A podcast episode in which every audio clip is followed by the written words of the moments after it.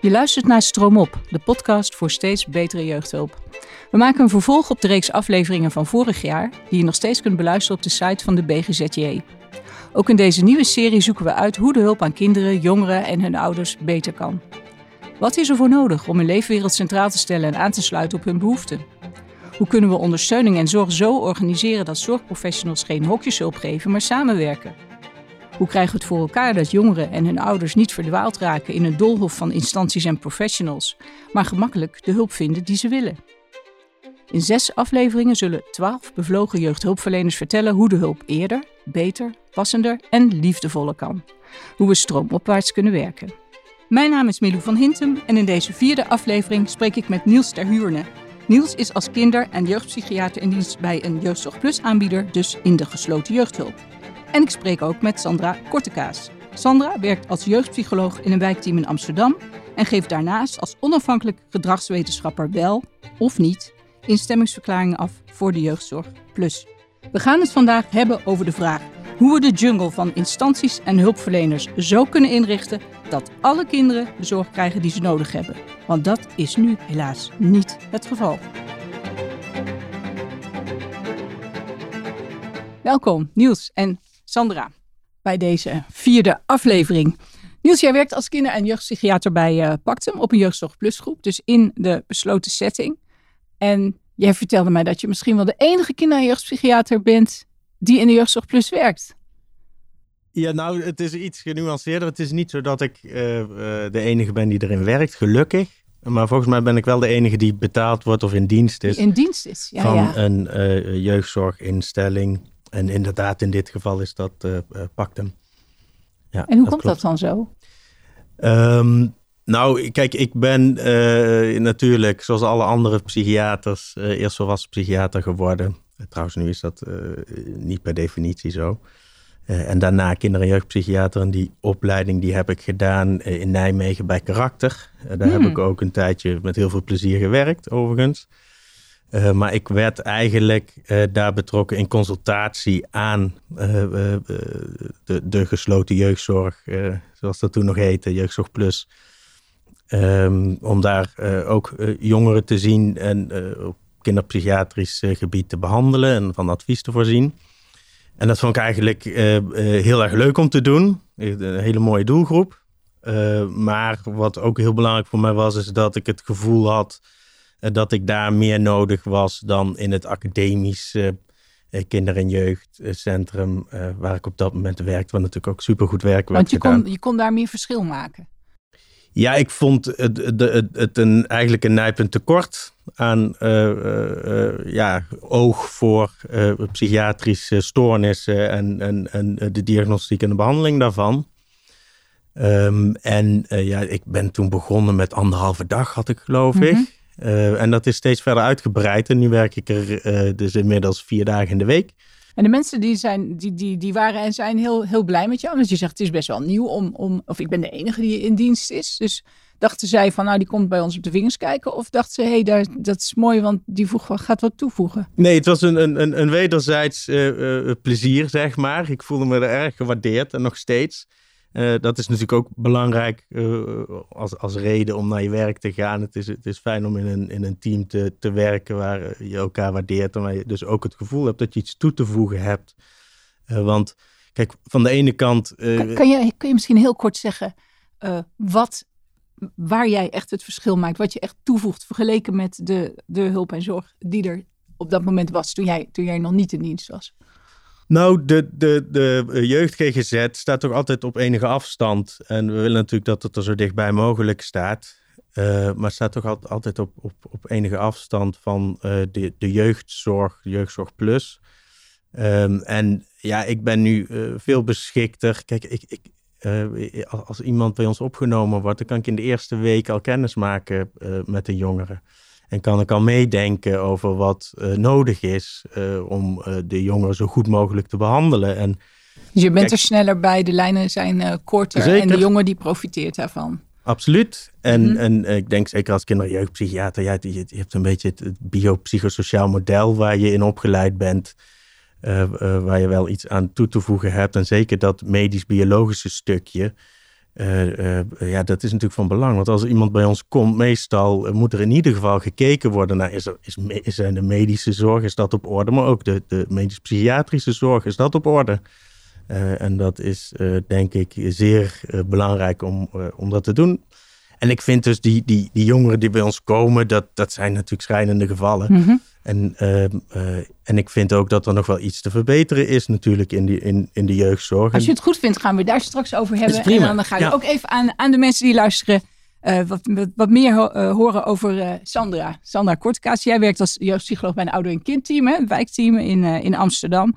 En daarnaast heb je ook, dat zeg maar eigenlijk helemaal de voorkant van, van als je het hebt over een heel traject wat kinderen kunnen lopen. Het even slaat misschien een beetje plat, maar Niels zit aan de achterkant en jij zit aan, aan de voorkant. Maar tegelijk heb je ook met uh, de Jeugdzorg Plus te maken, omdat jij als onafhankelijke gedragswetenschapper uh, instemmingsverklaringen afgeeft voor de Jeugdzorg Plus of niet. En ik heb het gevoel dat er een verband zit tussen die twee dingen. Dat werkt aan de voorkant en die instemmingsverklaringen die je al dan niet afgeeft voor de Jeugdzorg Plus. Kun je daar wat, kun je daar wat over vertellen? Zeker. Nee, ik, ik heb zelf ook heel lang uh, aan de achterkant gezeten, hè, zoals jij dat, uh, dat noemt. Zo noemde ik het zelf denk ik ook wel. dus op, op het gebied van nou ja, de, de GI's, dus de, de ik heb zelf ook e, een, tijdje in een gesloten setting zelf gewerkt als behandelcoördinator. En ik had op een gegeven moment zoiets van, misschien um, kan ik de kennis die ik nu heb en mijn ideeën uh, ook uh, in praktijk brengen, helemaal in het begin. Dus als er net gezinnen net in de hulpverlening komen en dat ik daar meer eens ga kijken van wat kan ik op dat soort momenten uh, betekenen um, om eigenlijk erger te voorkomen. Dus ja, om te voorkomen dat ja. uiteindelijk uh, gezin, omdat ik heb natuurlijk helaas uh, ontzettend veel dossiers gelezen in de loop der jaren. Dus ik, kan, ik haal er bepaalde dingen uit. Hè? Dat ik, dat, dan groeit er zo'n gevoel bij mij van, oh jee, uh, al heel veel wisselingen in, in, in jeugdzorg gehad. Of op heel veel verschillende plekken geweest. Of nou ja, bepaalde uh, trauma's opgelopen. Hè? Dat, doet, dat doet iets met mij. Dat ik dan denk, oh, daar moet eigenlijk al in een veel eerder stadium iets mee. Dus je zag, dat... je zag omdat je al die dossiers ja. doornam, zag je een bepaald patroon ook? Waarvan je denkt van, hé, hey, dit is, het is niet zo dat het bij iedereen anders verloopt. Maar ik herken daar een aantal dingen in waarvan ik denk, ja. die zou je, als je die anders aanpakt, dan kan het voor potentieel voor veel kinderen verbetering dat Is, dat is mijn hoop, hè. Kijk, ik... Ja, je moet blijven hopen, hè? Uh, ja, ab, nee, absoluut, absoluut. En ik dacht, nou, hè, dat, dat, uh, nou, dat was eigenlijk mijn motivatie inderdaad om... Uh, om bij een wijkteam te gaan werken. En ook op dat stukje van de analyse. Hè, van doen we nou de goede dingen uh, helemaal in het begin? Schrijven we dat goed op? Maken we de goede afwegingen? Betrekken we de juiste mensen? Ik dacht van nou, laat ik eens kijken wat ik in dat stukje kan betekenen. En ondertussen ben ik ook doorgegaan, al, al is het op veel kleinere schaal, met uh, kinderen onderzoeken in het kader van een instemmingsverklaring. Uh, en dat wilde ik er ook bij blijven doen, omdat ik ook in toenemende mate natuurlijk kritisch ben op uh, die gesloten plaatsingen. En ik dacht van, als het mij lukt om ook daarin af en toe nee te zeggen, want op het moment hè, dat je niet instemt, dan moet er wat anders. En nou, dat is aan de ene kant, uh, dat, dat is een heel moeilijk besluit, laat ik het zo zeggen. Maar ik dacht wel van, dat wil ik ook blijven doen. Dus in die zin eh, zit ik nu een beetje aan allebei de kanten. Mm Jij zegt, ja, als jij nee zei, dan, dan moet er wat anders. En dat betekent dan eigenlijk dat de, de route waarvan mensen zeggen... Um, eigenlijk is dat logisch. Dit werkt niet, dat werkt niet, zus werkt niet, zo werkt niet. Ja. Ha, we hebben de Jeugdzorg Plus nog. Ja. Nou, dan komen ze bij, bij jou binnen, Niels. En dan, uh, ik, zeg het nu, ik zeg het nu misschien een beetje polariserend. Nou, dan zijn we er vanaf. Anders geformuleerd, in hoeverre wordt de Jeugdzorg Plus ook gezien als een onderdeel van dat hele traject? Of worden ze veel meer geïsoleerd gezien, wat je als heel oneerbiedig hoort als het afvoerputje? Ja, wat je van het afvoerputje gooit, hoef je niet, hoef je niet meer naar om te kijken natuurlijk. Nee, dit is een heel belangrijk punt. Kijk, ik zei net al, de, de, de, de uh, kinderen, de jongeren die ik zie, uh, dat zijn eigenlijk altijd schrijnende gevallen, hele complexe uh, gevallen. En je hoopt natuurlijk dat het grootste gedeelte van de, de jeugd die hulp nodig heeft, uh, zoveel mogelijk thuis en ambulant uh, in de, de, setting waar ze in, in, in wonen en leven geholpen kunnen zijn. Want helaas komt het voor dat dat onvoldoende is. En vaak is het inderdaad een soort step-care model waar steeds wordt opgeschakeld. Dit werkt niet, dit werkt, dit werkt niet. Het is denk ik ook niet hoe je het, het graag hebt. Ehm, en dan kunnen ze inderdaad op een gegeven moment bij ons komen. Wat er inderdaad heel belangrijk in is, is dat um, alle andere middelen al uh, geprobeerd zijn. Dat het echt het laatste middel is. Want het is natuurlijk een heel heftig uh, middel wat je inzet. Want per definitie neem je, ontneem je een gedeelte van de vrijheid van een mhm. kind. En, en, misschien ook wel van de ouder. Dus dat moet je niet zomaar doen. Daar moet je heel zorgvuldig mee omgaan. En soms kan het niet anders. Maar dat moet je wel zeker weten. En, en dat, dat, dat, dat heet het beginsel van subsidiariteit, zeg maar. Dat je mhm. weet, alle andere dingen hebben niet gewerkt. Mag ik je daar toch iets even... Ja? Want je zei dat net ook, alles is al geprobeerd. Maar als ik dan denk aan wat, wat Sandra net uh, zei... die heeft dan toch haar gronden om hè, bijvoorbeeld nee te zeggen. Uh, ja. Is een instemmingsverklaring. En daar zit dan, denk ik dan toch ook een beetje achter. Misschien is er wel van alles geprobeerd... Maar zijn de goede dingen wel geprobeerd? Want jij, jij ziet dan kennelijk toch ook nog wel eens een, een perspectief. Klopt. Uh, het, het zit erin van, uh, zijn de goede dingen geprobeerd? Mm Dus daar probeer ik altijd heel erg uh, op door te vragen. Want er staat vaak een hele lijst met deze hulp is ingezet, deze hulp is ingezet. En ik vraag dan meer van, oké, wat heeft daarvan gewerkt? Wat niet? Hè? Wat zijn toen jullie conclusies geweest? Waarom hebben jullie gekozen daarna voor die volgende variant van hulp? maar wat ik voornamelijk ook vaak zie, is dat het toch heel erg te maken heeft met veiligheid. Dus er wordt vaak uh, om een gesloten plaatsing gevraagd. Of een jeugdhulp plus plaatsing moet ik eigenlijk zeggen. Op het moment dat men zich grote zorgen maakt over de veiligheid. En er iets komt van als we nu niet iets doen, wat gaat er dan gebeuren?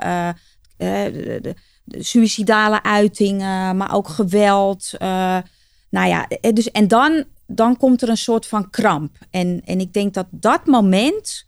Ehm, nou, soms denk ik dat moment is eigenlijk al te laat. Hè? Je zou eigenlijk daarvoor zou je al uh, die signalen een beetje moeten, moeten herkennen. En dan misschien al, hè, Niels, wat, wat jij ook zegt, van, dat, je, dat je elkaar ook eerder opzoekt. Hè? Dat, je, dat je met elkaar om tafel gaat. Dat je goed de voor's en tegens van bepaalde besluiten gaat, gaat onderzoeken. Um, maar er ontstaat iets van een kramp.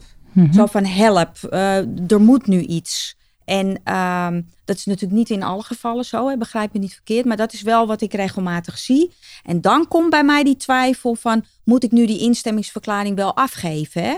Wat zijn nou die risico's? En is een gesloten plaatsing dan wel de oplossing. Ja, jij herkent dat? Nee, ik herken het heel erg. Ik zie je knikken. Nee, precies. Kijk, want, want we hebben het dan gehad over... Uh, is, het, is, uh, is al het andere geprobeerd... en is er echt geen andere mogelijkheid? Dat is natuurlijk wat je, wat je moet overwegen maar ook is proportioneel. Want je weet, wat ik net al zei, je neemt ook wat af van het kind en de mogelijkheden.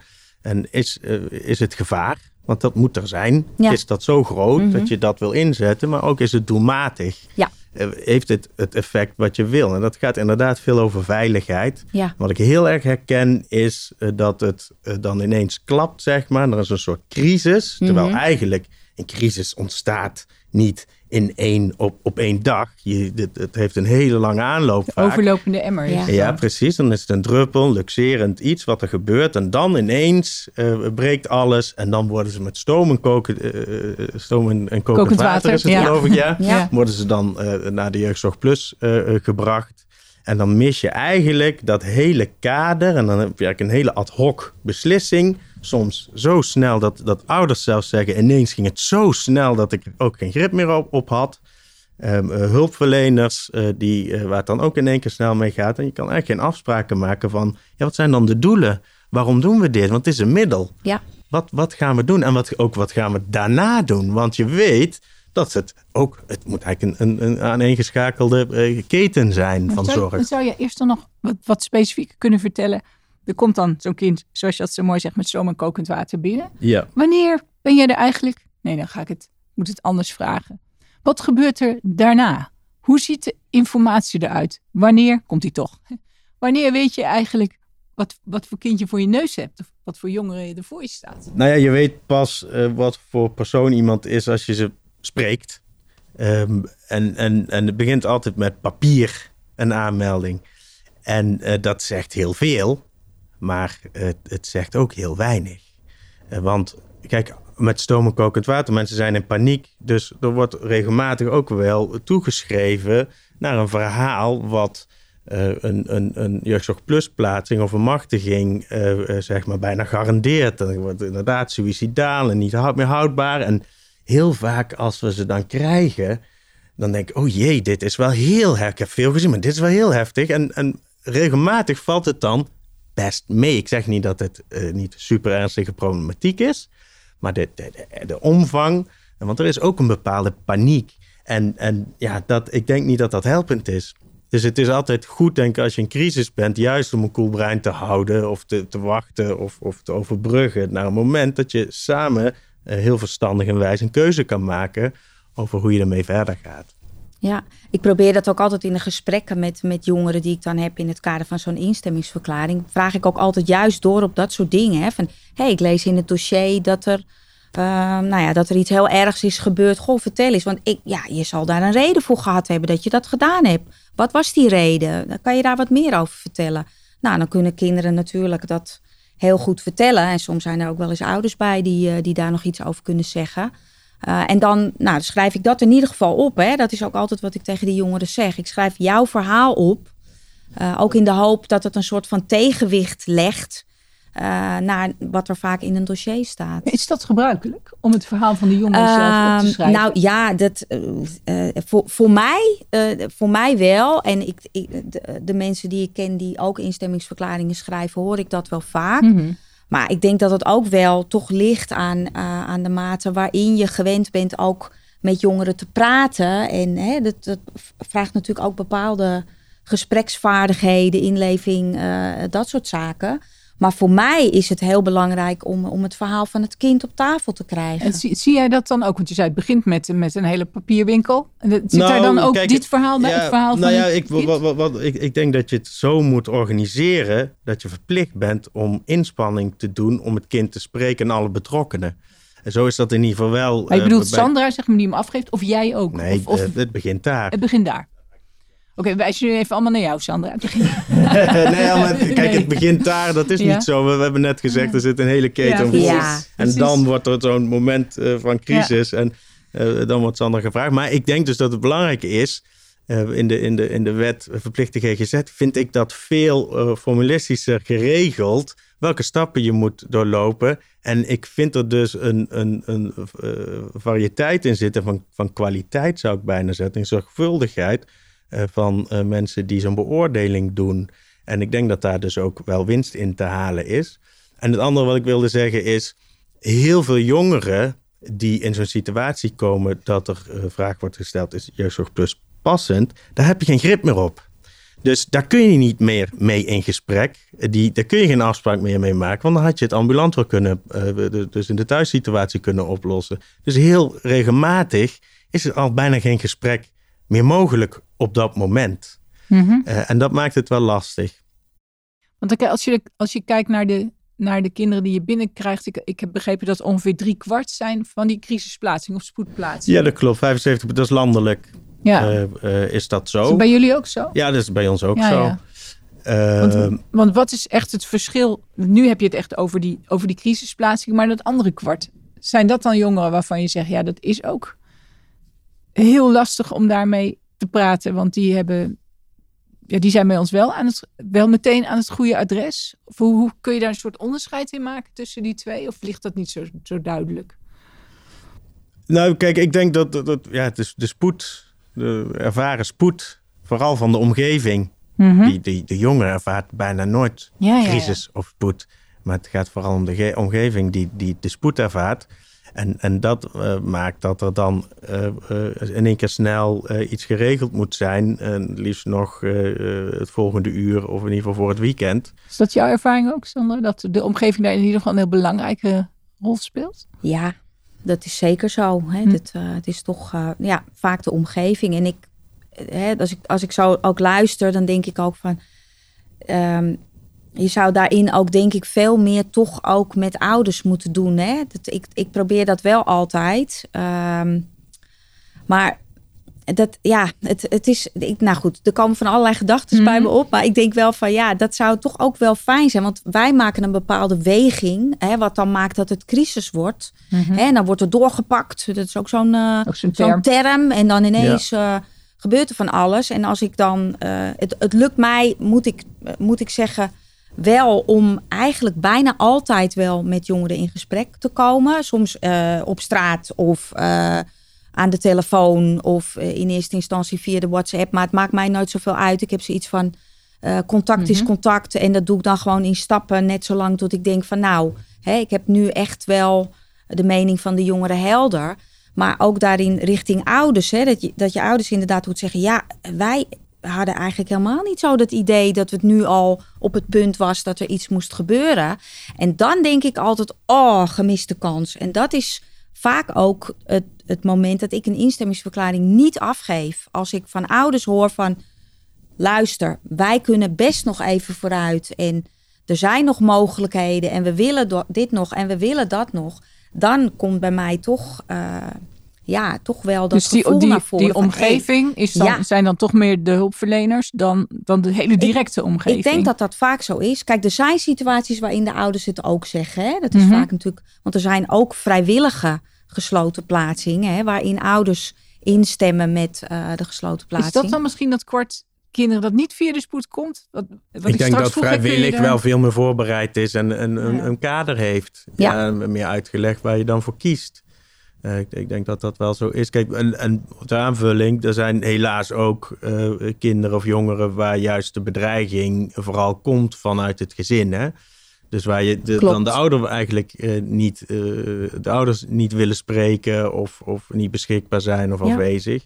Of die al afhankelijk zijn van peergroups in, in hun leefstijl. Denk aan Loverboy circuits en, en, en ja. eh, en dat soort omstandigheden.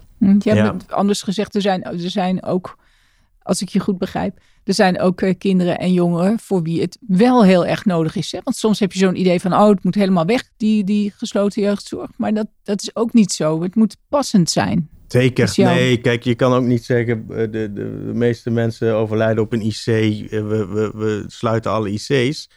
Ik denk dat, dat er een groep eh, jongeren is die echt het nodig hebben, eh, een gesloten kader. En dan gaat het vooral denk ik om de groep die, waar je thuis geen grip op krijgt en die echt in hele ernstig gevaarlijke situaties daarmee komen. Kan jij dat een beetje concretiseren? Van, want iedereen heeft daar nu misschien zijn eigen beelden bij, maar die kunnen heel uiteenlopend zijn en misschien niet kloppen met wat jij in je hoofd hebt als je dit zegt. Ja, nou, er zijn. kijk, ja, het, het is als ik soms iets vertel aan, aan mensen die niet eh, op mijn werkveld zitten over wat voor jongeren ik zie. Je kunt je bijna niet voorstellen dat in Nederland dit soort eh, eh, jongeren rondlopen. En het zijn er dus. Ja, het zijn er gelukkig niet, niet heel veel, maar het zijn er eh, toch nog wel wat hoor. Maar kun je een voorbeeld geven van dingen die dan spelen, die wij ons niet ja, het gaat dus om, om, om bijvoorbeeld om, om jongens die eh, in de criminaliteit eh, eerst licht, dan wat zwaarder met drugsgebruik, daar ook afhankelijk van worden, steeds dieper in de criminele circuit ook gaan dealen, niet meer thuiskomen. Eh, af en toe eh, eh, daarmee ook getraumatiseerd worden dat ze overvallen worden door andere dealers. Meiden die hierin betrokken worden, met, met, met Loverboy, wat ik net al zei. Mhm. Ehm, en dus dan krijg je een jongere die bijvoorbeeld zijn hele dag-nachtritme al, al maanden heeft omgedraaid. Eh, die zichzelf heeft verwaarloosd, ook op, op medisch gebied. eh, die eh, bij wijze van spreken bij ons een stukje afkicken eh, doet bijvoorbeeld. En Een beetje normaal totaal eten geen misschien. grip meer op was. Ja. Gewoon totaal geen grip. Mhm. En, Ja. en ik heb echt genoeg jongeren, als je het erover hebt, van ja, wat was er gebeurd als dit niet was gebeurd? Zeg ik, ik was binnen drie maanden dood geweest. Die, die, die, die, die spreek ik maandelijks. Ja, en het zit hem veel meer in, in de manier waarop. Hè? En wat gebeurt er daarna?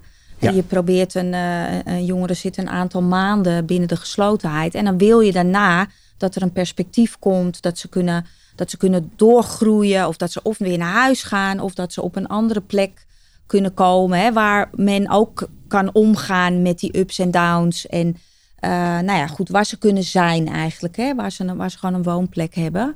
Ehm, Het zijn eigenlijk van En twee dat is dingen. In- in- moeilijk. zeg maar, in, Ja. de, in de aanloop zou er meer Ja. afstemming moeten zijn en meer overleg, denk ik dan, maar ook weer in de, ik mij zeggen in de uitloop, maar ook weer als kinderen ontslagen worden. Ja, zeg maar. absoluut. Dan Ik moet denk- dat ook. Ik denk dat, ze- kijk, de Jeugdzorg Plus heeft toch wel wat klappen gehad, ook in de media en wat, wat negatieve naam gekregen.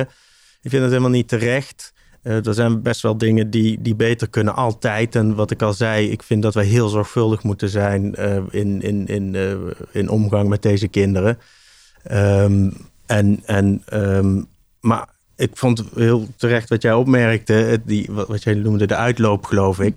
Ja, Kijk, om die, die, die, die vergelijking Ja. weer te, te, te, maken met bijvoorbeeld een IC, iemand aan een beademingsapparaat legt, het is relatief snel gedaan. De, de, de, de, kunst zit om hem weer ervan af te krijgen. Want je zet dus een heel systeem eromheen, wat eigenlijk de, de jongen ook afhankelijk maakt. En je wil de ontwikkeling stimuleren. Dus eh, ook, ook stimuleren dat ze iets te zeggen hebben. Nou, je hebt net ah, de, de, de, de, de, vrijheid eh, zeg maar, van hem afgenomen. En dan ga je in één keer vragen van, joh, wat wil je eigenlijk? Eh, dus dat, dat, dat is iets waar je heel zorgvuldig mee om moet gaan. En, en dan moet je ook kijken naar wat hierna.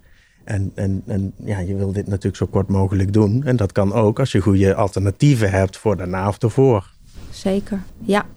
Ja, en het stuk daarvoor hè, is, eh, is ook, denk ik, ehm, het stukje van op het moment dat die crisis ontstaat, dan eh, krijg je natuurlijk ook een soort van dynamiek tussen het gezin, eh, de jongeren, de hulpverlening. En vaak is dat een soort van breekpunt. Hè, dus ehm, de verhoudingen verslechteren. Dat is natuurlijk lang niet altijd, hè, maar je ziet het regelmatig gebeuren.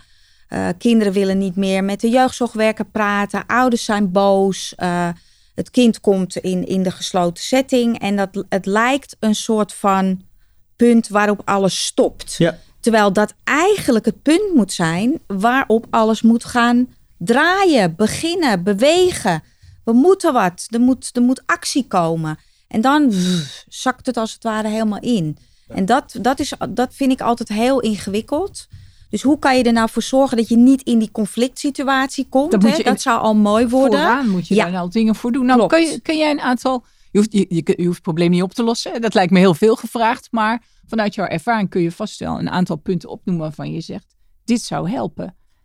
Ja, nou wat, wat en Niels, ik, Niels eh, ja. ook, denk ik. Nou, wat ik, wat ik zelf veel doe en wat ik ook probeer met, met collega's veel te bespreken, is dat je. Kijk, je bent zelf, eh, ook als je in een wijkteam zit, helemaal aan de voorkant, je bent een soort visitekaartje van de jeugdzorg. Hè? Dus hoe, hoe beter jij probeert om aan te sluiten bij, bij gezinnen, bij kinderen, hoe beter je dat doet, hè, hoe meer mensen het idee krijgen van, oh nou, hè, dat, eh, dat wijkteam, daar heb ik wel wat aan. Of eh, Mhm. nou, die mevrouw die zegt wel zinnige dingen.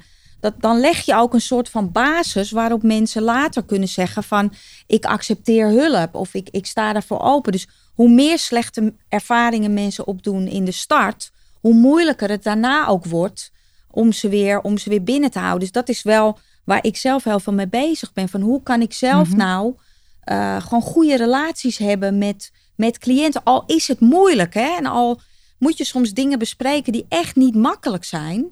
Wie heb ik daarbij nodig? Of wat heb ik daarbij nodig om het toch te doen? Hm. Zou het niet- ook helpen als je zeg maar op, op een heel complex probleem stuit? Dat er, jij zei net ook, er wordt hem een stepped care gegeven. Ja, Dat is misschien ook niet altijd het beste. Dat je ergens ook kunt ontdekken. Ik weet ook helemaal niet, het is, mijn, het is mijn werk niet. Maar dat je sneller een soort triage zou moeten doen. Zodat kinderen ook eerder de hulp krijgen die echt past bij hun, bij hun probleem. ja. Is dat, is dat, zou, je, zou je bijvoorbeeld in een wijkteam, zou die lijntjes tussen een wijkteam en een, een eh, kinder- en jeugdpsychiater korter moeten zijn? Zouden überhaupt zeg maar meer van elkaars werelden moeten weten? Om te kunnen begrijpen, dit zou wel kunnen passen en dat niet? Ja, denk- ik denk dat dat heel belangrijk is. Ja, dus, dus er is natuurlijk een relatief schaarste aan kinder- en jeugdpsychiaters. Ik zeg niet dat het altijd een kinder- en jeugdpsychiater moet zijn. Maar ik denk wel dat eh, een, een heel, heel groot gedeelte van deze jongeren... die hebben op enig moment wel eh, behoefte aan eh, zorg vanuit de GGZ. Vaak zijn er natuurlijk bredere problemen. Dus dan moet je gaan samenwerken. En dan moet het inderdaad zo snel mogelijk beschikbaar zijn... Ehm, we, die, we hebben dat in de, in de kinder- en jeugd GGZ ook. Toen ik begon met mijn opleiding, was, hadden we eigenlijk net een beetje bij karakter die eh, omslag gemaakt. Dat we veel met de psychiaters echt naar de intake, gewoon bij de kennismaking al aan de voordeur zetten. Om die triage goed te hebben. Want ja, dat, dat kan een hoop leed voorkomen. het, het, het, het, de, de uiteindelijke middel wat misschien oplossend is of wat helpend is. Het duurt alleen maar langer als je daarvoor. En misschien heb je ook wel je, je vertrouwen al lang verloren als je eraan komt. Dus een goede triage is enorm belangrijk. Ik denk wel dat met de transitie die we hebben gehad, dat dat onder druk is komen te staan nog, nog meer. Hm. die triage. Ja, ik vind het soms ook wel ingewikkeld, want je, je wil ook een probleem niet groter maken dan het is. Dus als je tegen ouders zegt, die komen met een, met een probleem, melden ze zich aan. En dan wop, komt er een heel mhm. multidisciplinair team. En die gaan allemaal meedenken. En de psychiater wordt erbij gehaald. En dat ik me best kan voorstellen dat dat voor cliënten soms ook wel, uh, voor, voor, voor gezinnen, voor kinderen, dat je denkt, wow, wat, wat, wat gebeurt hier allemaal? Hè? Dus daarin de goede een soort van uh, het goede tempo eigenlijk hanteren en goed aansluiten bij wat op dat moment hm. nodig is. Maar dat goed, is ook niet zo makkelijk. Maar jij bent al jeugdpsycholoog, hè? En er zijn natuurlijk ook mensen die een soort. Uh, Klopt. Ja, ander type opleiding hebben gedaan, laat ik het zo zeggen. Dus ik kan me voorstellen dat, dat, dat verschillende expertises in een, in een team dat dat al heel erg helpt. Dat je niet meteen, meteen zeg maar de kinder- en jeugdpsychiater erbij moet hebben. Maar wel mensen die uh, wat verder doorgeleerd hebben. Dat je kan kiezen. Ja, ik merk het zelf ook al hoor. Als er dan gezegd wordt, nou dan komt de psycholoog. Dan, er zijn echt ouders die zeggen, nou is dat, is dat nou wel nodig? hè, mhm. dat snap ik ook heel goed. En dan moet je goed kunnen uitleggen ook van, nou ja, waarom is dat dan nodig? En dus hè, of misschien ga ik wel helemaal niks doen. Misschien is het gewoon één keer meedenken of meekijken. En is het daarna genoeg? dus ook dat, nou, dat tempo aanhouden vind ik ook wel heel belangrijk daarin. Het is belangrijk dat je beschikbaar bent voor elkaar. En dat je al is het gewoon voor overleg elkaar kan vinden. Maar hoe kan je dat nou regelen? Want ik hoor dat best wel vaak. Maar in de praktijk komt er geen wijkteam. Sandra, die kent, die kent de Jeugdzorg Plus. Maar mm zullen, zullen, niet uh, hele wijkteams bij jullie langskomen. Jullie gaan mhm. andersom misschien niet meelopen met, een, met een wijkteam. Of het, zeg maar de, de soort van hulpverlening die daar tussen zit. Dan hoef je niet de hele tijd mee te lopen. Maar het, ik heb soms het idee dat er heel veel over gepraat wordt. We moeten allemaal eh, mhm. goed met elkaar samenwerken en zo. Maar wie gaat nou eens echt een, een keer een paar dagen meelopen? Dat je het gewoon ziet. Nee, dat, ik, dat, dat klopt. En ik vind dat ook versnipperd over Nederland. Het verschilt ontzettend per regio, helaas, uh, hoe goed dat georganiseerd is, hoe je elkaar vindt. Ehm, dus dat, ja, dat, dat, dat, en, en als je het niet goed met elkaar hebt georganiseerd en weet, dan moet je elkaar echt gewoon actief gaan opzoeken. En ik vind dus ook eh, dat je, ze, eh, dat je mensen moet bellen. Eh, ik zei net al, dit is de eerste toen we elkaar ontmoeten hier. Dus ik de eerste keer dat ik met iemand praat die instemmingsverklaringen uh, beoordeelt. Ja. En, en ja, dat, dus je moet, daar, je moet daar zelf het ook actief uh, elkaar uitnodigen en uh, opzoeken. En, en, en ook dit soort discussies helpt daar enorm bij, denk ik. We hebben het nu een, een, een half uurtje, half uur gehad over wat er, wat er allemaal nog beter kan. Maar hebben jullie ook positieve veranderingen gezien als je nu terugkijkt naar de afgelopen vijf of tien jaar? Zijn er inmiddels toch ook al wel dingen verbeterd. Die de burger moet geven om op het ingeslagen pad verder te gaan. Ja, ik, ik, ik denk het zeker. Kijk, als ik eh, naar mijn werkplek kijk, we hebben de afgelopen jaren zijn we heel, heel hard gewerkt om een programma te ontwikkelen waarin we heel veel oog hebben voor de veiligheid in verbinding, zoals het dan uh, wordt genoemd. Dus veel meer kijken van wat heeft de, de, de jongeren nodig. Dat kan zijn uh, grenzen, maar dat kan ook zijn nabijheid en emotionele betrokkenheid, contact. Uh, ik vind, daar vind ik echt dat we heel goed mee bezig zijn uh, geweest. En er lopen heel veel ontwikkelingen om te onderzoeken of we inderdaad veel meer in de wijk onze expertise kunnen aanbieden. En dat het veel meer een, een continuum is naar een, een, een, meer residentiële plek zoals wij dat hebben. Maar dat dat wel binnen één hand komt, zeg maar. En mhm. ehm, ik denk zeker als je kijkt naar de, de ontwikkelingen binnen de volwassenenpsychiatrie en de jeugd GGZ, die hebben deze ontwikkeling ook doorgemaakt van veel meer kijken hoe kunnen we thuis meer doen. En daar is dat ook aardig gelukt. Uh, niet helemaal, uh, maar daar kunnen we juist van leren. Dus we hoeven niet helemaal opnieuw het wiel uit te vinden, denk ik. Sandra, aanvulling? Ja, ja zeker herkenbaar. En ik merk het ook in het werken in een wijkteam. Dat nou ja, dit, hè, er wordt ook veel meer gesproken van, nou, kijk wat je nodig hebt in een gezin en, en vraag dat erbij. Hè? Dus nodig mensen uit om met je mee te denken. En nou, op het moment dat je dan denkt, hé, hey, ik kan weer verder, dan ga je gewoon als wijkteammedewerker loop je je pad weer verder met het gezin. Loop je weer tegen iets anders aan, dan vraag je die persoon er weer bij om met je mee te denken. Dus het wordt in die zin allemaal wat, nou ja, wat losser. Hè? Dat ook vanuit het idee van die schotten moeten weg. Dus ik zie dat ook zeker als een positieve ontwikkeling. Oké, dankjewel. Dit was de vierde aflevering van het tweede seizoen van Stroom Op, een podcastserie waarin we onderzoeken hoe de jeugdhulp steeds beter kan. Aan deze aflevering werkten mee Niels Terhuurne, Sandra Kortekaas, Jochem Tames en Melou van Hinten. Stroomop, de podcast voor steeds betere jeugdhulp, wordt gemaakt door Stroomop samen met BGZJ, branches gespecialiseerde zorg voor jeugd.